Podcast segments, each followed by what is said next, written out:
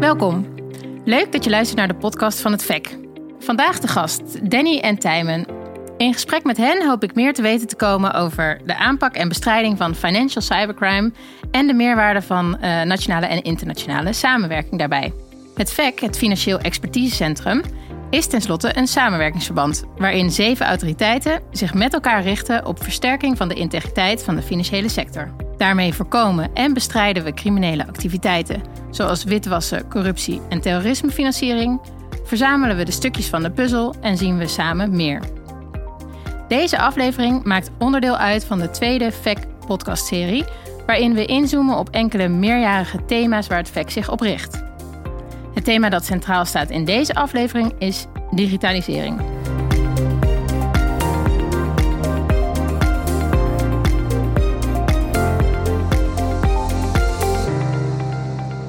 Mijn naam is Leontien van der Heijden en zoals gezegd spreek ik met Danny en Tijmen. Beide werkzaam binnen het Financial Advanced Cyber Team, kort gezegd FACT, niet te verwarren met FEC, van uh, de Field. Welkom uh, Danny en Tijmen. Bedankt. Dankjewel. Tijmen, om met jou te beginnen. Wat is jouw rol precies binnen het Financial Advanced Cyber Team? Uh, ik ben digitaal regisseur. Dat betekent dat ik mij bezighoud met zowel technisch als tactisch opsporing onderzoeken en het opwerken van signalen tot aan ja, nieuwe uh, onderzoeken. En hoe ben je in deze rechercheurrol terechtgekomen? Uh, ik heb hiervoor een x aantal jaren bij een onderzoeksinstituut gewerkt. voor verschillende overheidspartijen, waaronder de politie. En uiteindelijk dacht ik, het is toch leuker als je dichter bij het vuur staat. En ook daadwerkelijk mee kan draaien in de opsporing. En zodoende heb ik rondgekeken en kwam ik bij dit team uit. Leuk. En bevalt het? Ja, het bevalt enorm. heel, uh, elke dag is anders. Daar gaan we straks nog meer over horen. Danny, jij bent uh, de teamleider van uh, FACT. Um, wat maakt het team zo leuk om mee te werken? Nou, ik denk als eerste natuurlijk de, de mensen. we hebben in het team hartstikke leuke collega's met hele diverse achtergronden. Um, iedereen zit zich in voor de goede zaak. En um, je hebt collega's met een tactische achtergrond, je hebt collega's met een technische achtergrond. Um, mensen die bezig zijn met kennisontwikkeling. En uh, ja, er is heel veel ruimte uh, om er wat moois van te maken. En uh, die ruimte die maakt het gewoon heel leuk. En wat, wat doet het FACT precies? Ja, nou, wij zijn een opsporingsteam van de Field. En wij doen de strafrechtelijke onderzoeken. maar daarbij kijken we altijd wel naar um, onderzoeken die te maken hebben met advanced financial cyber. Dus dat, kan, dat is heel vaak ook met blockchain gebaseerde technologieën. Ehm, waarbij we kijken van, hey, wat snappen we ervan? Uh, wat willen we ervan snappen? Hoe doen we die kennis op? Um, en dan gaan we daarmee aan de slag. En dat kan dus betekenen dat we een strafrechtelijk onderzoek doen. Um, waarbij we dingen proberen te ontdekken. Maar het kan ook zijn dat we zeggen van, nou, we doen een fenomeenonderzoek. Of we doen uh, wetenschappelijk onderzoek. Dat klinkt als uh, een veelheid aan werkzaamheden die jullie doen. Maar, maar, wat is dan eigenlijk de concrete doelstelling van het team? Uiteraard willen we boeven vangen. Hè? Dus dat is ook, eh, we zijn een opsporingsteam. Dus eh, we proberen natuurlijk ook um, criminaliteit te stoppen. Ehm, wat we ook doen is natuurlijk zoveel mogelijk geld afpakken. Nou, het kan dus ook digitaal geld zijn. Dat is echt wel een belangrijke doelstelling van het team. Maar ja, wat maakt ons speciaal is echt dat wij ons richten op de allernieuwste vormen van financial cybercrime. En dat we inzichtelijk maken wat dat betekent hè, voor de field. En dat we ook kijken van uh, wat is binnen de field nodig om dat tegen te gaan. Hè? Dus uh, dat betekent het ontwikkelen van nieuwe methodieken. Um, um, die methodieken vervolgens verrijken en uitleren binnen de field. Wat voor tooling hebben we nodig? Moeten we dat inkopen of kunnen we dat zelf ontwikkelen? Um, dus we zijn ook wel een soort expertisecentrum binnen de field. Ja, het klinkt ook wel vrij innovatief en vernieuwend. die ontwikkelingen op dit gebied lijkt me dat dat vrij snel gaat allemaal. Hoe, hoe zorg je dat je eigenlijk bijblijft bij, bij al die ontwikkelingen? Um, ja, dat is, is moeilijk. We hebben een hele sterke externe focus als team. Dat betekent dat we in, in allerlei netwerken zitten met, met andere opsporingsdiensten uh, binnen Nederland. Uh, dat we het internet goed in de gaten houden.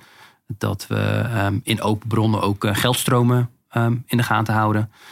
en we ook heel veel internationaal samenwerken. Nou, daar kan Tijmen denk ik zo ook nog wat meer over vertellen. Um, ja, de belangrijkste platformen waar we in samenwerken, dat is natuurlijk Europol. Hè. Dat zijn allemaal uh, voornamelijk Europese landen dan uh, die met elkaar ook informatie delen en expertise uitwisselen.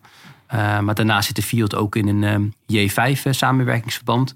Dat is dan met de Verenigde Staten, met Australië, Groot-Brittannië en Canada. Dus daar werken we ook op fiscaal en financieel vlak mee samen. Een mooi haakje alvast naar samenwerking en internationale samenwerking. Daar gaan we het straks nog meer over hebben. Maar over dat internationale speelveld gesproken. In hoeverre is het FACT-team, zoals we dat kennen bij de Field, uniek in de wereld?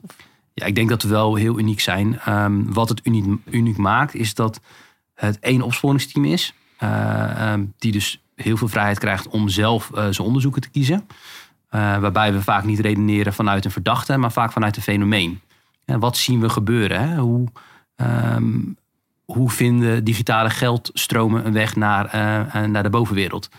Um, dus we hebben heel veel vrijheid om daar keuzes in te maken. En vervolgens hebben we dan ook de, de tactische kennis in huis om, uh, om een onderzoek te doen, maar ook echt wel de technische kennis. Hè. Dan moet je denken aan collega's die artificial intelligence hebben gestudeerd, forensische IT, natuurkunde, data science. Um, wat hebben we nog meer? Software developing. En, en al die slimme mensen zetten we met elkaar in een ruimte. Uh, soms ook dus in internationaal verband.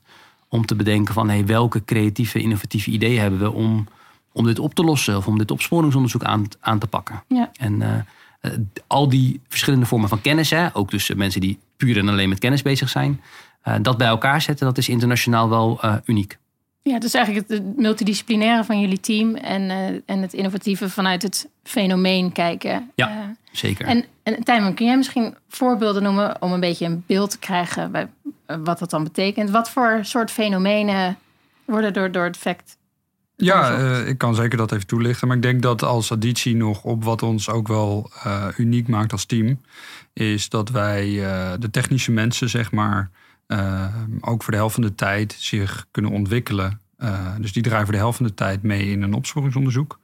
En in de andere helft van de tijd richten zij zich al eigenlijk op de volgende onderzoeken. Dus hoe hou ik mijn kennis op peil? Wat gebeurt er in onze omgeving?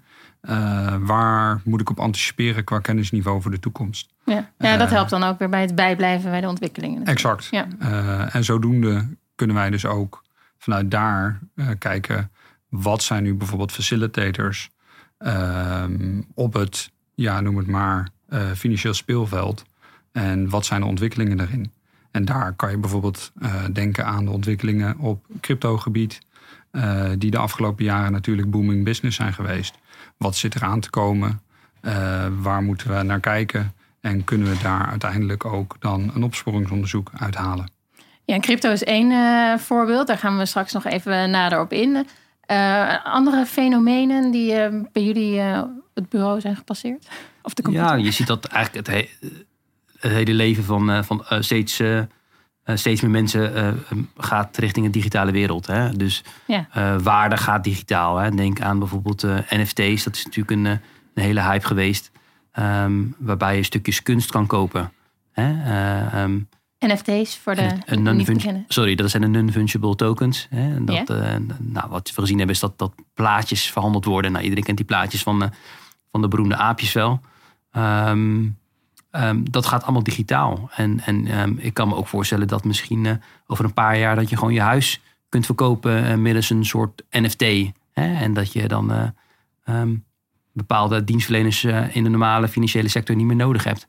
Um, dat zijn wel dingen waar we naar kijken. En, en um, ja, naast NFT's, ja, decentralized finance, dat um, je ook kan beleggen bijvoorbeeld, zonder dat je echt afhankelijk bent van uh, tussenpartijen. Ja. Uh, dat is allemaal interessant voor ons. Ja, ook op fiscaal vlak. En hoe gaat dan dat van een fenomeen komen tot een opsporingsonderzoek? Want ben, je kan heel veel kennis verzamelen over een fenomeen, maar hoe krijg je daar dan concreet uiteindelijk een opsporingsonderzoek uit? Nou ja, dat hangt er natuurlijk vanaf wat er uh, voortkomt uit, uh, noem het maar de opgebouwde kennis. Maar wil het tot een strafrechtelijk onderzoek komen, moet er natuurlijk ook wel uh, indicatoren zijn dat er iets is wat niet klopt. Ja. Hierbij kan je bijvoorbeeld denken aan mixers die dan toch wel heel, um, hoe zou ik dat zeggen? Ja, stimulerend werken voor bijvoorbeeld criminelen. Uh, en daar bepaalde praktijken of bepaalde praktijken op nalaten. Uh, zoals bijvoorbeeld de casus Bestmixer, waarbij er geadverteerd werd om bijvoorbeeld eh, die mixer te gebruiken om KYC-procedures te omzeilen. Ja. Ehm, dat zijn voor ons wel indicatoren om, te, om op verder te rechercheren. Ja, je noemt al het best mixer eh, voorbeeld. Daarmee zijn jullie ook, hè, dat is in de media geweest. Een, uh, een, een witwas, witwasmachine voor cryptovaluta werd het, werd het daar genoemd, die uit de lucht is gehaald. Um, maar hoe, start, hoe startte bijvoorbeeld dat onderzoek naar best, mixer? in dit geval is het gestart naar aanleiding van een publiek-private samenwerking. Waarbij er een ja, externe partner, McAfee, aangaf dat er mogelijk infrastructuur in Nederland bevond nou, in combinatie met de geadverteerde oproep om via dit product uh, bijvoorbeeld de KYC te kunnen omzeilen, was dat voor ons reden om daar verder op te rechercheren. en zodoende zijn wij daar een onderzoek op gestart.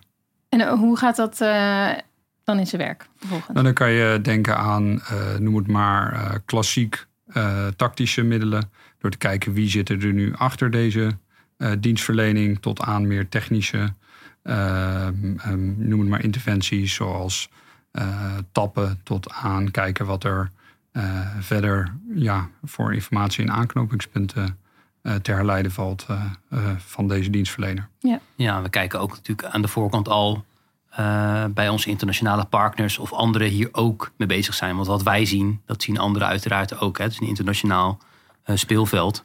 Dus uh, we stemmen dan wel af. Hè. Uh, wie heeft de beste informatiepositie?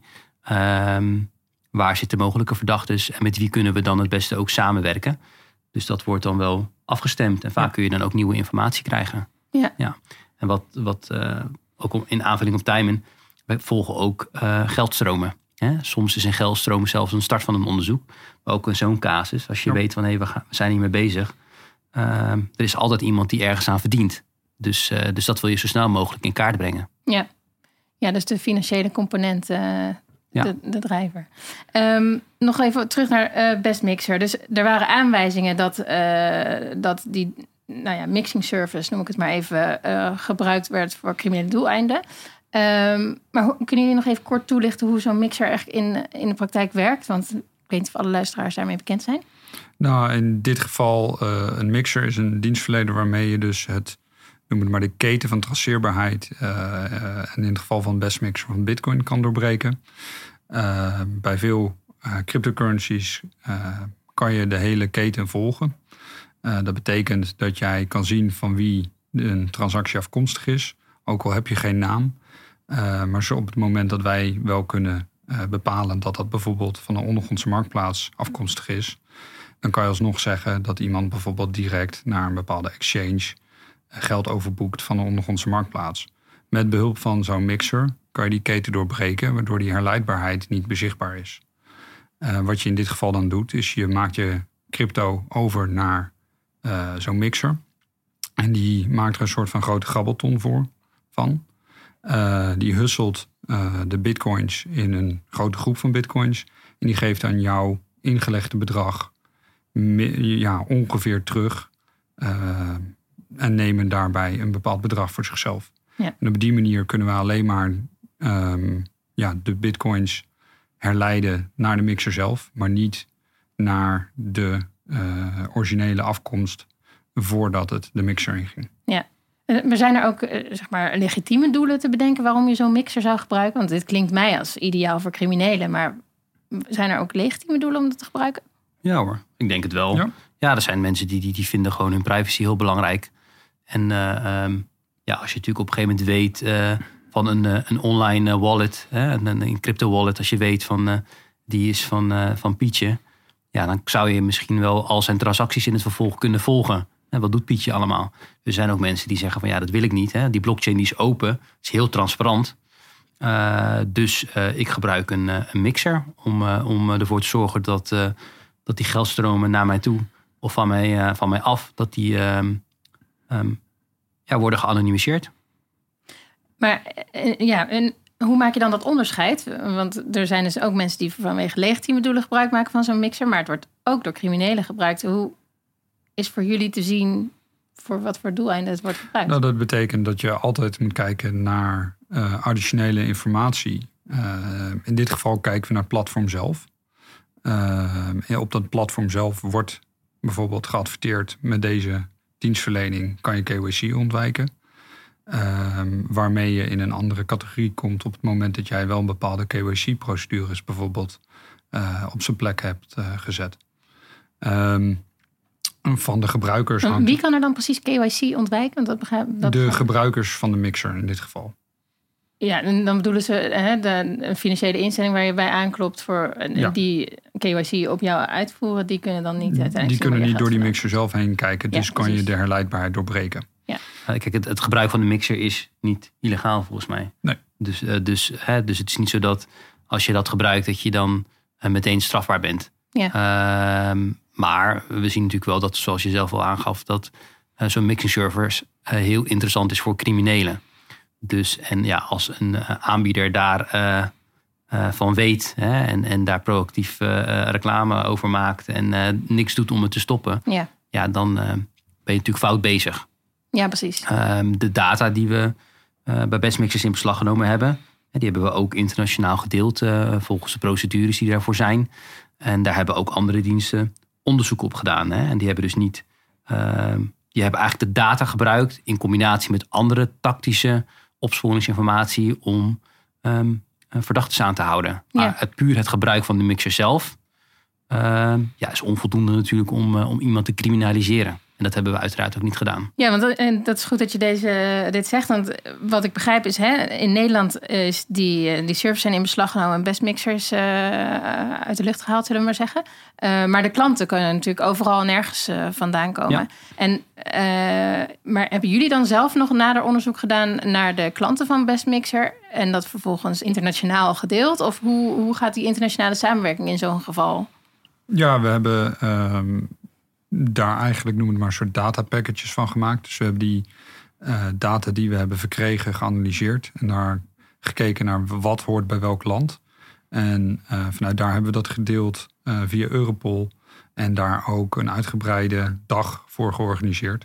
Zodat er ook vragen gesteld konden worden. En dat we op die manier de informatie zo goed en duidelijk mogelijk overdragen aan andere landen. En voor zover jullie weten, is dat ook in andere landen weer verder opgepakt? Ja, ja er zijn uh, ook in het buitenland zijn daar uh, aanhoudingen verricht. En dus ook uh, daaraan gekoppelde strafrechtelijke onderzoeken. Mooi. Ja. Dat is een mooi resultaat, lijkt me, voor ja, zeker. vanuit jullie. Ja. Um, eerder noemde je ook al het woord afpakken. Ja. Dus hè, crimineel vermogen afpakken. Um, er gaan natuurlijk uh, hele grote bedragen door, zulke, door zo'n mixer bijvoorbeeld. Hè? Die klanten die daar gebruik van maken. Um, wordt daar ook dan nog op ingezet, op het afpakken van dat crimineel vermogen? Of is dat vanuit jullie uh, ja, nog gebeurd? Dat, ja, voor mij, hè, wat ik had gelezen in ieder geval, als Bestmixers had een uh, jaaromzet van 200 miljoen. Dus dat, dat zijn flinke bedragen. Hè? Om, uh, om natuurlijk... Um, geld te kunnen afpakken, moet je het wel eerst moet het wel crimineel zijn. Hè? Dat, we hadden het net al over dat niet al het crypto is crimineel, hè? belangen na niet. En niet iedereen die een mixer gebruikt is, is een crimineel. Maar op het moment dat je kan aantonen dat, ehm, dat vermogen een criminele herkomst heeft of onverklaarbaar is, ja, dan kun je het natuurlijk in beslag nemen. En als het dan daarna nog niet te verklaren is, ja, dan komt het toe aan de staat. Ja. Dus dat is wel een belangrijke doelstelling van de, van de field. En zeker als je kijkt naar dit soort internationale onderzoeken. Je, ja, je kunt niet altijd bij een verdachte komen. Dus het kan zijn dat, uh, dat de infra in Nederland staat. Dat de slachtoffers uh, uit Groot-Brittannië komen. En dat de crimineel um, in Azië zit. Dus je kunt niet altijd bij een verdachte komen. Maar als je de geldsporen kan volgen. weet waar het geld zit. En in beslag kan nemen. Ja, dan heb je ook een mooi resultaat. Ja. Jullie werk is super internationaal. Ik hoor, ja, de digitale wereld beperkt zich natuurlijk niet alleen tot Nederland. Um, jullie noemden net al die data packages die naar aanleiding van zo'n bestmixer onderzoek zijn gedeeld, maar ook in de, in de beginfase van het onderzoek is internationaal samengewerkt, begreep ik van jou, Danny. hoe ziet die samenwerking aan de voorkant eruit? Dus op het delen van informatieposities? Ja. ja, ik denk Europol is belangrijk. Hè? Daar kun jij wel over vertellen, Tijmen. Ja, Europol ja. Is, een, is een belangrijke partner op het gebied van samenwerking, omdat zij ook een coördinerende rol uh, innemen. Dat betekent dat je uh, ja, met hun kan kijken welke landen sluiten er bij bepaalde signalen en bij bepaalde kennis uh, aan. Uh, Interpol is een andere waarmee je zeker kan samenwerken en kan afstemmen. en hiernaast hebben we dan ook nog, zijn we betrokken bij J5 voor de belastingdienstorganisaties ja. op het fiscaal vlak. Ja, ja. en het is gewoon, het, je kan het heel technisch inrichten, maar uiteindelijk gaat het ook om dat je de juiste mensen kent. Dat je de juiste mensen spreekt, wie heeft wat en, en wat mag onder welke voorwaarden met elkaar gedeeld worden. Het moet natuurlijk allemaal juridisch ook kloppen. En ehm, als je dan elkaars vertrouwen hebt, dan kun je ook echt samenwerken. Ja. En uh, ja, we hadden het net ook al over dat de ontwikkelingen enorm snel gaan. Dus ehm, ja, de informatiepositie van elke speler die verschilt. Maar ook de kennis die we inbrengen die verschilt. En uh, ja, als je dat kunt samenbrengen, en welke fase van het onderzoek dan ook, ja, dan, dan levert dat voor iedereen uh, winst op. Ja. En wordt daarvoor in die internationale samenwerkingsverbanden ook uh, met elkaar afgestemd? Van hè, laten we nu met z'n allen ons daarop richten? Of is het meer dat iets opkomt bij een van de partners of in een land en Mhm. dat dat vanuit die hoek wordt gedeeld en dat dan anderen zeggen van ah, daar heb ik ook nog wel wat op. Ja, het kan zijn dat signalen gedeeld worden. Dat, dat, dat, dat, eh, dat Nederland zegt, hè? of het nou de field is of de politie. Hey, we hebben dit en dit signaal. Het is uh, internationaal. Uh, wie kijkt hier nog meer naar? Ehm, wie wil hem overnemen of met wie kunnen we dit samen doen? Um, dus dat, dat gebeurt gewoon op die manier. Um, en op thema zitten ook, ja, ik noem het maar even werkgroepen. Hè? Dus kijk het naar crypto of virtual assets of ja, ik weet niet hoe het allemaal genoemd wordt. Ja, daar zitten overal werkgroepen op. Dat is gewoon, gewoon heel belangrijk, omdat iedereen ziet dat, dat waarde steeds meer verplaatst van offline naar online. Ja. Dus uh, ja. En niet alleen zeg maar dan signalen en kennis, maar ook gewoon opleidingen. Hoe ga je gezamenlijk uh, alle opsporingsdiensten ja, met de blik op de toekomst zo goed mogelijk laten anticiperen. En ja. je hebt elkaar nodig vanwege het internationale speelveld. Ja. Want op het moment dat ik informatie deel met een land wat dat lastig kan verwerken, dan krijg ik ook mindere effect en impact. Iets waar wij juist enorm voor staan. Ja. Ja. Dus je wil ook dat de rest van de landen uh, op zijn minst net zo goed kunnen opereren. Ja. ja, daar word je alleen maar samen slimmer van natuurlijk. Ja, we, we, we zijn er heel proactief in ook hoor. Dus uh, de field die werkt sowieso internationaal. Omdat uh, ja, dat, dat heb je gewoon nodig om effect en impact te bereiken. Um, daarvoor gaan we ook bijvoorbeeld naar internationale bijeenkomsten of congressen. Um, um, ja, daar krijgen we ook wederom weer de ruimte voor. En dat is gewoon heel belangrijk. Ja, ja. Internationaal uh, veel over gezegd. Um, er zijn natuurlijk ook nog andere samenwerkingspartijen, behalve de internationale counterparts uh, van de Field en de Belastingdienst. Um, Publiek-private samenwerking is natuurlijk ook uh, interessant, lijkt Zeker, me, voor jullie. Ja. Wij zijn wel geïnteresseerd om um, meer publiek-privaat samen te werken. Of dat nou via het VEC is of, uh, of met andere toezichthouders. Uh, omdat we ook denken dat kennis die we opdoen en inzichten die we vergaren, dat het ook bijvoorbeeld voor preventie kan worden uh, ingezet. Ja. Dus uh, het komende jaar, hè, 2023, uh, gaan we zeker ook actief de boer op met, met minimaal één preventieproject. Ja. Um, een preventieproject wat binnen het VEC net is gestart is het PPS-project op crypto. Dat is een samenwerking met de banken om in, in de bank transactiegegevens beter mm -hmm. uh, zeg maar, crimineel gebruik van crypto's te kunnen detecteren. Uh, ik als relatieve leek denk dan van... ga je nou in bankgegevens heel makkelijk crypto's ontdekken? Want eigenlijk het idee van het gebruik van crypto's... is natuurlijk dat je buiten het reguliere financiële ja. systeem omgaat. Maar hoe zien jullie dat? Nou ja, je wil natuurlijk uiteindelijk als crimineel nog steeds wel je boodschappen betalen. En de meeste supermarkten die accepteren nog geen crypto's. Dus het moet ergens een keer een bankrekening of een cash omgezet worden. Dus die, ja, eigenlijk die stap, die verwevenheid met het reguliere financieel stelsel, die is nog steeds super belangrijk. En banken zijn daarin gewoon een hele belangrijke schakel. Het kan zijn dat je bijvoorbeeld indicatoren kan opstellen uh, die banken kunnen zien. Maar ook die banken in samenwerking met andere partijen kunnen zien. Uh, om gewoon iedereen zo scherp mogelijk uh, te houden en die informatiepositie uh, zo groot mogelijk te maken. Ja, en, en de samenwerking met, met bijvoorbeeld crypto exchanges? Dat zou een hele goede kunnen zijn, want die zien natuurlijk ook, die ehm, zien welke klanten ze hebben, wat er binnenkomt. en daar kunnen wij dan ook bijvoorbeeld vorderingen doen om meer inzage te krijgen. Ja. en zijn er nou, um, voor zover jullie dat mogen delen, maar indicatoren of red flags waarvan jullie zeggen van nou, als je dat nou als eh, crypto exchange ziet of als bank ziet, dan moet je wel even, dan moet er een belletje gaan rinkelen. Nou, ik denk dat het heel veel ook hetzelfde is als bij, ehm, bij, eh, bij normale reguliere transacties. Hè? Als, als de banken weten bijna alles van je, zou ik bijna zeggen. Hè? Als er natuurlijk ehm, bedragen op je rekening worden gestort eh, die eh, heel anders zijn dan normaal, hè? of niet passen bij iemands inkomen, ja, dan zou je daar wel eh, vragen over kunnen stellen. Ehm, kijkend naar kennisproducten die wij hebben ontwikkeld. Hè. We hebben bijvoorbeeld ehm, eh, NFT-kennisproduct ontwikkeld. Dat is ook gewoon op de website van het eh, AMLC eh, terug te vinden. En dan kun je gewoon zien van hey, wat is een NFT, hoe werkt het, maar ook hoe kan het gebruikt worden om wit te wassen. Hè? Wat Ja. zijn nou scenario's helemaal uitgeschreven en uitgewerkt, ehm, hoe dat misbruikt kan worden. Nou, dat soort scenario's die kunnen de banken ook gebruiken of andere financiële instellingen om eh, dat soort ehm, verdachte transacties beter te signaleren. Ja, dus het gaat vooral om eh, kennisdeling en iedereen moet alert zijn op ehm, dingen die afwijken. Ja, ja, dat denk ik zeker. We hebben het veel gehad over crypto's en over virtual, virtuele valuta. Maar ehm, nou ja, er zijn ook nog andere fenomenen die jullie eh, vanuit het FACT eh, onderzoeken. Eh, eerder, eh, buiten deze podcast, gaven jullie mij aan dat er ook bijvoorbeeld wordt samengewerkt met de wetenschap daarin. Ja. Ehm, kunnen jullie daar iets meer over vertellen? Nou, we hebben een eh, eh, langdurige samenwerking met de TU Delft. Waarbij wij een eh, visiting professor hebben. eh, die bij ons eh, ja, eigenlijk onderzoek uitvoert. Eh, al dan niet stagiairs ook bij ons plaatst. Om eh, bepaalde meer strategische vraagstukken te beantwoorden. En daarbij kunnen wij eh, eigenlijk de data die we hebben uit bepaalde opsporingsonderzoeken anonimiseren of pseudo-anonimiseren. En op die manier ook die analyseren op meer langdurige, eh, longitudinal analyses. om nieuwe inzichten op te doen, die voor ons super belangrijk kunnen zijn.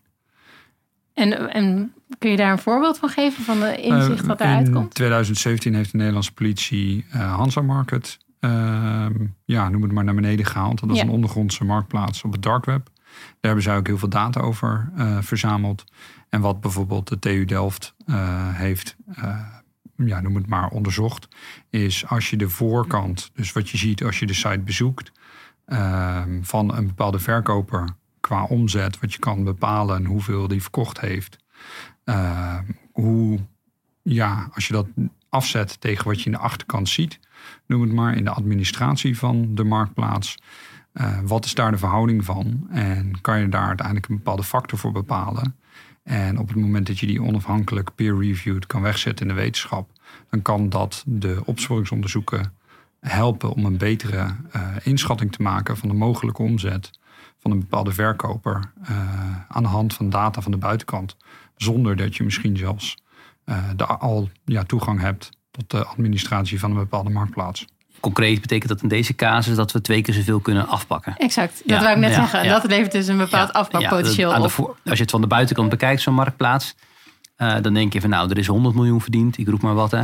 En als je dan nu de- het onderzoek hebt gedaan met de back-end, dan blijkt dus dat die omzet 200 miljoen is. Dus Dat is ook nog wel een aanzienlijk verschil. dat is een aanzienlijk verschil. Dus je kan ook gewoon meer geld eh, gaan terughalen. En ehm, gezien dat dan wetenschappelijk onderbouwd is en je dat onderzoek uiteindelijk ook kunt uitbreiden en kunt peer reviewen, hè, dus dat ook andere wetenschappers ernaar kijken, ja, is dat ook gewoon in de rechtszaal te gebruiken. Ja. Dus als ik jullie goed beluister, dan zouden jullie eh, de inzet van de wetenschap eh, alleen maar toejuichen. Heel belangrijk, heel belangrijk. Want wij nemen veel data in beslag. Die data die eh, anonimiseren, anonimiseren we uiteraard. Eh, maar daar kan gewoon eh, door die goede samenwerking die we hebben met de TU Delft... ehm, ja, kan daar gewoon nieuwe kennis worden ontwikkeld. En daar hebben wij zelf niet de tijd voor hè, om daar een jaar voor te gaan zitten. Hè. Hoe werkt zo'n zo'n bestmixer? een mixer nou eigenlijk? Welke patronen kun je eruit halen? Daar, ja, dat, dat is gewoon heel intensief om dat, om dat een jaar te doen. Maar ja, studenten die vinden dat geweldig. Ja. En het levert een heleboel op. En ja, we merken wel dat we graag nog dieper erop ingaan. Hè? Dus misschien ja. soms is een jaar ook niet eens voldoende.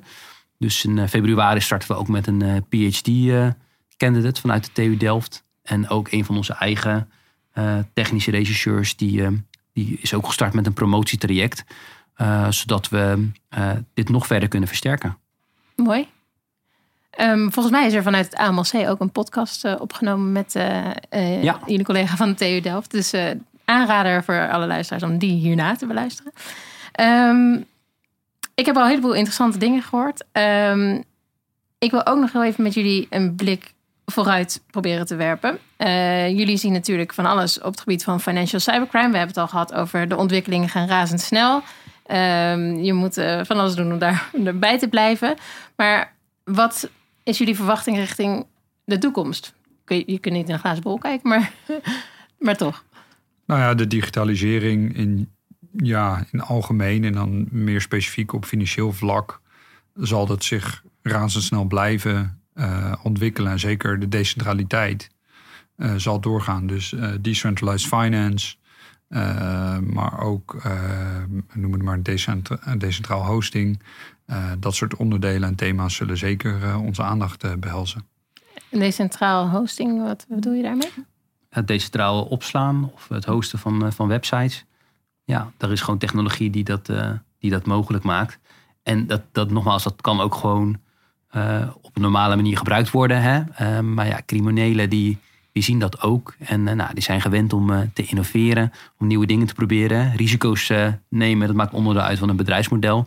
Dus die zien dat ook. Ja. Dus, en daarom heeft het ook onze aandacht. Ja, het biedt hen ook net zo goed mogelijkheden. Ja. En wat is er nodig om financial cybercrime zeg maar, effectief eh, aan te pakken de komende paar jaar? Dan denk ik dat, wil ik zeggen, dan is een, een, speerpunt van ons om ehm, de kennis die wij opgebouwd hebben binnen de field, om die nog breder uit te leren binnen onze organisatie. Ja. dat doen we al, want het is niet zo dat wij de, het enige team zijn dat crypto-onderzoeken doet. ook in reguliere teams heb je steeds meer collega's die weten hoe ze cryptosporen moeten volgen. Uh, die weten hoe ze crypto in beslag moeten nemen. Uh, en dat is belangrijk, omdat dit alleen maar groter gaat worden. Dus ik denk, kijkend naar een van de belangrijkste speerpunten van ons team, is ook die kennis binnen de field te verder te brengen. Nogmaals, we zijn al op de goede weg, hè? maar het kan altijd beter. Denk je trouwens echt dat crypto's uiteindelijk het traditionele betalingsverkeer een beetje gaat drukken? nee, dat denk ik niet. Ik denk wel dat het dan onder de uit, uit gaat maken van, van een het nieuwe normaal. Hè? En um, kijk, voor mij, joh, ik, ik heb altijd in Nederland gewoond. Voor mij is, is, is het doen van transacties niet zo'n heel groot probleem. Maar ja, 40% van de wereldbevolking heeft geen bankrekening. Hè? En, en die 60% die wel een bankrekening heeft, ja, die wonen soms ook in landen waar je niet heel makkelijk bij je te goede kan komen. Hè? Denk aan een, een Libanon. nou, Turkije heeft een hoge inflatie. Je hebt een aantal Zuid-Amerikaanse landen ja, met niet zo'n hele stabiele munt. Uh, dus voor die mensen, zelfs met een bankrekening, is het heel moeilijk om internationaal transacties te doen. Terwijl ja, als jij een internetverbinding hebt, ja, dan kun je een, eh, een, een, een wallet starten. Uh, en kun jij internationaal handel drijven. Ja. Ja, en, en dat biedt blockchain technologie. Dus ik geloof al dat dat toekomst heeft. Ja. Des te meer van belang om jullie kennis daarover te verspreiden. ik zou het zelfs aanmoedigen, niet alleen binnen de field, maar ook daarbuiten in het, in het hele netwerk. Zien jullie daar ook nog een rol in weggelegd voor het VEC? We zitten hier toch in een VEC-podcast? Ja, ja ik, ik denk dat, dat, dat we via het VEC ook meer kunnen samenwerken. dus kennis delen is natuurlijk hetgene wat we al doen. nou, we hadden het net over preventieprojecten. Ik denk dat zodra ik mijn preventieadviseur binnen heb, dat we die ook ehm, gaan verbinden aan het VEC. omdat ehm, ja, samen kunnen we toch meer, meer bereiken. Ja. ja. Nou, dat kan ik niet anders dan onderschrijven natuurlijk. Um, ik wil jullie hartelijk danken, Danny en Tijmen, voor jullie uh, kijkje in de keuken van het FACT. Super interessant wat jullie doen uh, in de aanpak van financial cybercrime. Um, en tegen de luisteraars wil ik zeggen, als jullie meer willen weten over het VEC, abonneer je dan op de podcast of neem een kijkje op onze website www.vec-partners.nl. En voor nu, dank jullie wel voor het luisteren.